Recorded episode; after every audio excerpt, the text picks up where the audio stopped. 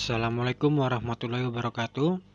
Selamat pagi siswa-siswi SMA Martia Bakti kelas 11 IP 1 dan 2 Di mana pun berada semoga saya selalu tetap semangat mengikuti pelaksanaan KBM daring dan tetap mematuhi protokol kesehatan di mana pun berada. Hari Selasa Hari Selasa ini, tanggal 23 Maret 2021, Bapak ingin menyampaikan empat materi pembelajaran sejarah peminatan yang pertama dan kedua itu sidang pertama dan kedua BPPKI yang ketiga itu ada PPKI dan terakhir ada peristiwa Rengas Dengklok. Materi pertama itu tentang sidang pertama BPPKI atau Badan Penyidik Usaha Persiapan Kemerdekaan Indonesia dalam bahasa Jepangnya yaitu Dokuritsu Junbi Chosokai BPUPK ini dibentuk pada tanggal 29 Mei sampai 1 Juni 1945. Tujuannya dibentuknya BPUPK ini adalah mengenai rumusan dasar negara Indonesia merdeka. Adapun tokoh-tokoh yang mengusulkan rumusan dasar negara tersebut antara lain Muhammad Yamin, Dok, Profesor Dr. Supomo, dan Insinyur Soekarno. Mr. Muhammad Yamin Mr. Muhammad Yamin mengajukan lima asas dasar negara Republik Indonesia, yaitu peri kebangsaan, peri kemanusiaan, dan peri, peri ketuhanan, dan peri, ada peri kerakyatan dan kesejahteraan rakyat.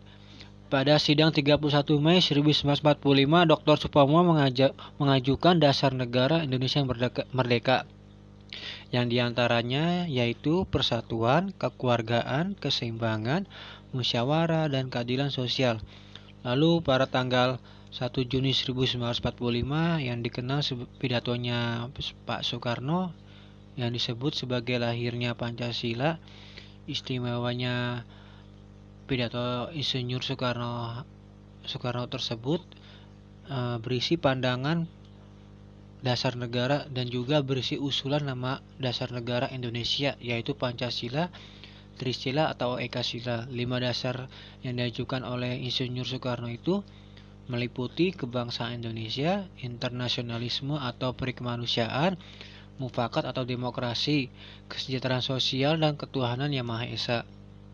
Sidang pertama BPUPK ini berakhir pada tanggal 1 Juni 1945.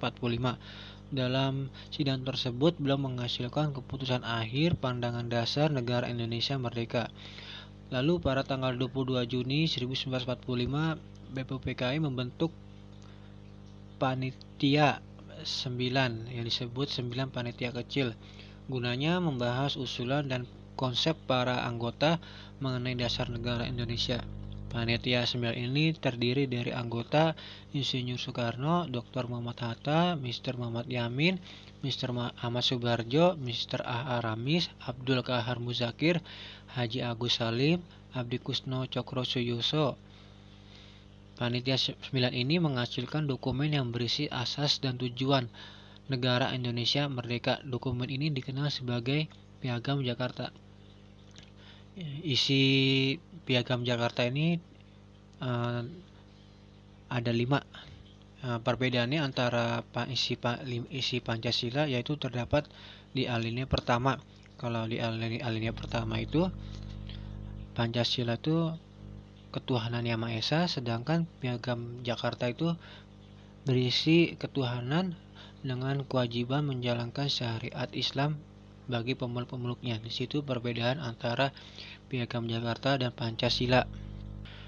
Selanjutnya sidang kedua BPUPKI. Sidang kedua BPUPKI ini dilaksanakan pada tanggal 10 sampai 17 Juli 1945.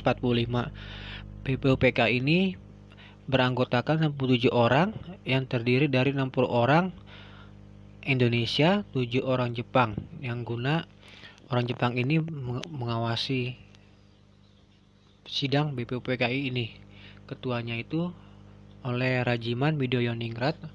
Uh, ada anggotanya bernama Suroso dan wakil dari Jepang yaitu Hibang Ngase Yoshio.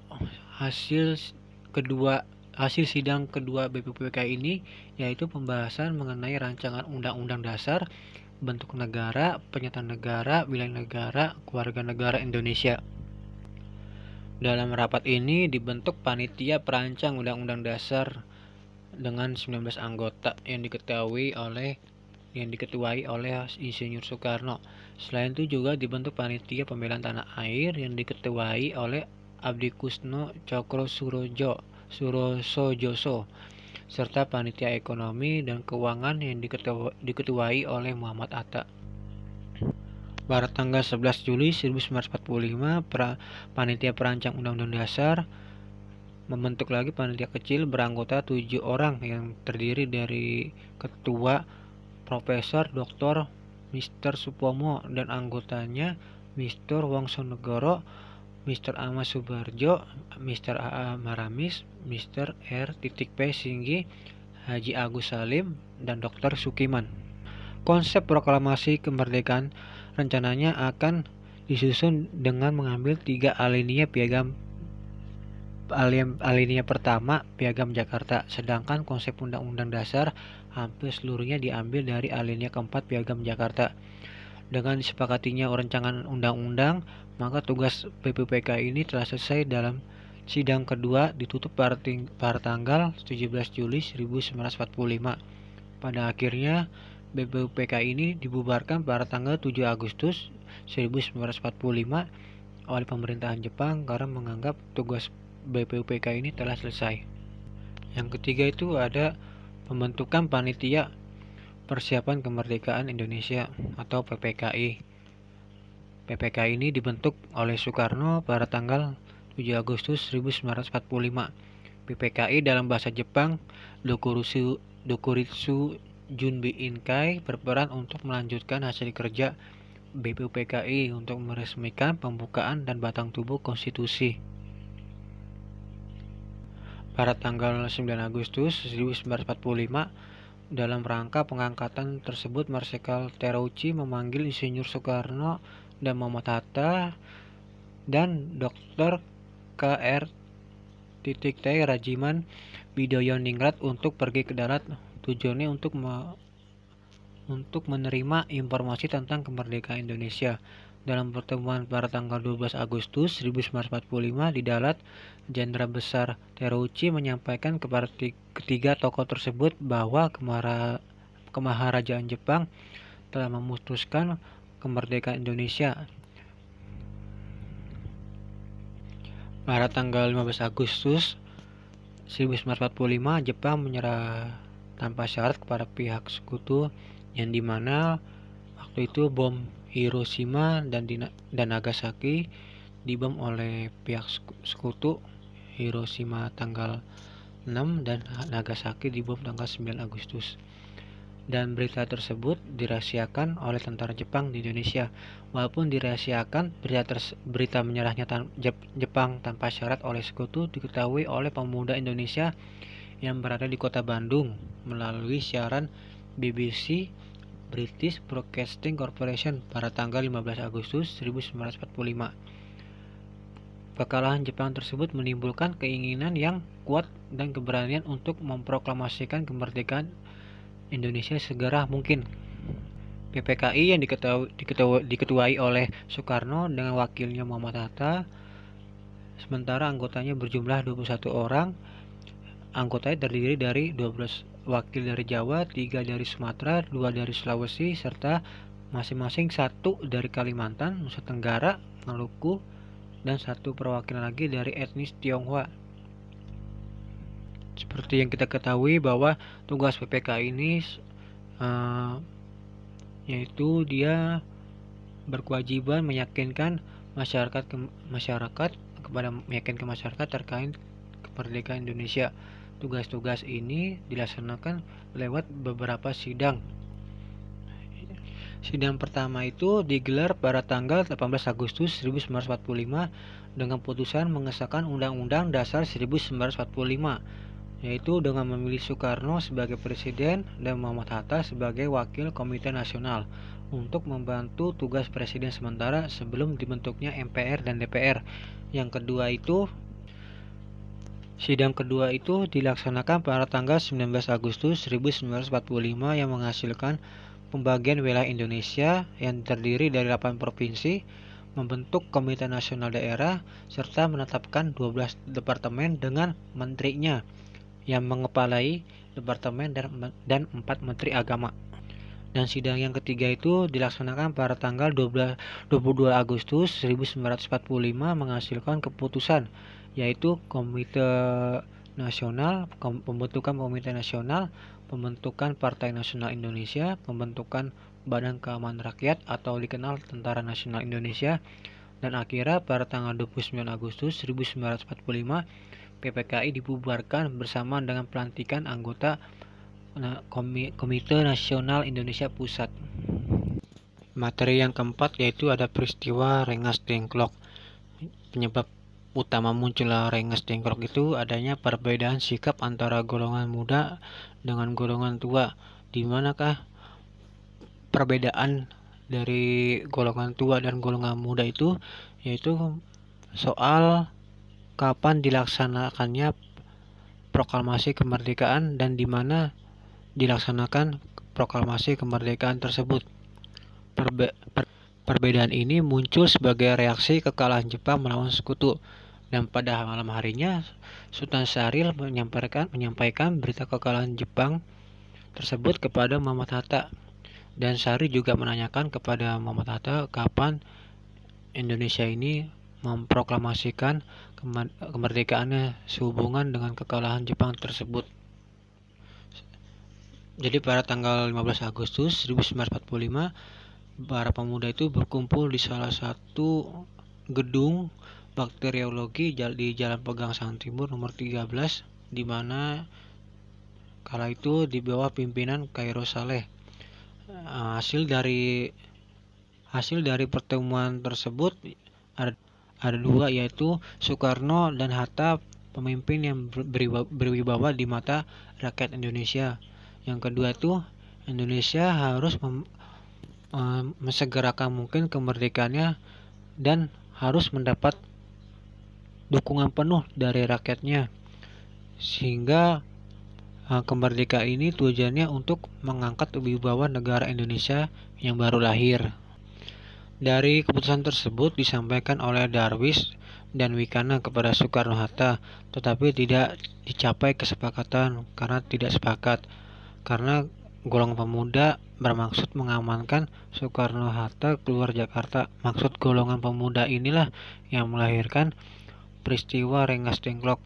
Perbedaan tersebut pada pada cara proklama pada cara melaksanakan proklamasi kemerdekaan Indonesia. Jadi di sini ada golongan tua dan muda. Nah, golongan tua ini terdiri dari Soekarno, Muhammad Hatta, dan Ahmad Subarjo. Dia menghendaki agar proklamasi kemerdekaan Indonesia ini dilaksanakan dengan mengadakan sidang PPKI, mengingat kenyataan Jepang masih tetap berkuasa dan bersenjata lengkap, sebab jika kemerdekaan Indonesia di proklamasikan di luar PPKI tanpa sidang pasti akan dicegah oleh Jepang. Namun beda lagi oleh pandangan dari golongan pemuda. Golongan pemuda ini terdiri dari Soekarni, Ada Malik, Kairo Saleh, Yusuf Kunto, dan Wikana. Dia menghendaki agar kemerdekaan Indonesia ini diproklamasikan di luar PPKI tanpa di luar sidang. Dengan pertimbangan, jika proklamasi kemerdekaan Indonesia dilakukan dengan terlebih dahulu mengadakan sidang PPKI, kemerdekaan bangsa Indonesia akan dianggap sebagai ciptaan Jepang dan pasti akan dihancurkan oleh pihak sekutu yang tidak akan lama lagi tiba di Indonesia. Dari perbedaan dari dua pandangan tersebut, golongan pemuda mengadakan rapat lagi di asrama Baperpi, Cikini, Jakarta pada tengah malam pada tanggal 16 Agustus 1945. Selain peserta rapat di Lembaga Bakteriologi, rapat sebelumnya juga dihadiri oleh Soekarni, Yusuf Kunto, Dr. Muwardi, dan Sulanko Singgi. Dan rapat tersebut memutuskan untuk mengamankan Soekarno-Hatta keluar Jakarta. Keputusan tersebut dengan pertimbangan sebagai berikut. Yang pertama itu proklamasi kemerdekaan lepas dari pengaruh pihak mana pun termasuk Jepang dan harus tetap dilaksanakan. Yang kedua, Soekarno-Hatta harus diamankan keluar Jakarta agar terlepas dari pengaruh Jepang sehingga mereka berani memproklamasikan kemerdekaan sesuai dengan kemauan golongan pemuda. Tempat yang dipilih untuk mengamankan Soekarno-Hatta adalah Rengas Dengklok, yaitu Kabupaten Karawang di Jawa Barat yang terletak 15 kilo dari Jalan Raya Jakarta Cirebon. Untuk menghindari tujuannya untuk menghindari dari kecurigaan dari pihak Jepang. Sujanko Singgi mendapat kepercayaan untuk melaksanakan rencana tersebut dibantu oleh Soekarni dan Yusuf Kunto. Penculikan Soekarno dan Muhammad Hatta dilakukan pada 16 Agustus 1945 pada pukul 4.30 pagi pada waktu zaman Jepang atau pada atau pukul 4 waktu Indonesia Barat. Rengas Dengklok dipilih karena berada jauh dari jalan raya utama Jakarta Cirebon dan mereka dengan mudah dapat mengawasi tentara Jepang yang akan datang ke Rengas Dengklok. Setelah sampai di Rengas Dengklok, Soekarno dan Hatta ditempatkan di rumah milik warga masyarakat keturunan Tionghoa yang bernama Jiao Qixiong. Golongan pemuda kembali golongan pemuda kembali mendesak agar Soekarno dan Muhammad Hatta bersedia memproklamasikan kemerdekaan Indonesia. Tetapi pembicaraan tersebut tidak membawa hasil. Akan tetapi dan pembicaraan pribadi antara Sudanko Singgi dan Soekarno dan Sudanko Singgi menyimpulkan bahwa Soekarno-Hatta bersedia memproklamasikan kemerdekaan Indonesia segera setelah tiba ke Jakarta. Kesediaan Soekarno tersebut disampaikan kepada golongan pemuda di Jakarta. Sementara itu, di Jakarta sedang perundingan antara Ahmad Subarjo atau mewakili golongan tua dan Wikana mewakili golongan pemuda yang kemudian tercapai kata sepakat bahwa proklamasi kemerdekaan Indonesia harus dilaksanakan di Jakarta pada tanggal 17 Agustus 1945 sebelum pukul 12 waktu Indonesia Barat. Di samping itu, Laksana Maida Tadashi Tadashi Maida Laksana Buddha Tadashi Maida mengizinkan kediamannya dijadikan sebagai tempat perundingan dan bersedia menjamin keselamatan para pemimpin bangsa Indonesia dan akhirnya Soekarno-Hatta dijemput di Rengas Dengklok dan tiba di Jakarta pada pukul 17.30 waktu Indonesia Barat. Dan untuk uh, tugas untuk siswa itu nanti uh, 25 PG dikumpulkan paling lambat hari Rabu pukul 5 sore. Mungkin materi itu saja yang Bapak sampaikan. Apabila ada yang kurang mengerti bisa menghubungi Bapak melalui chat WhatsApp atau melalui sosmed Telegram. Sekian dan terima kasih. Wassalamualaikum warahmatullahi wabarakatuh.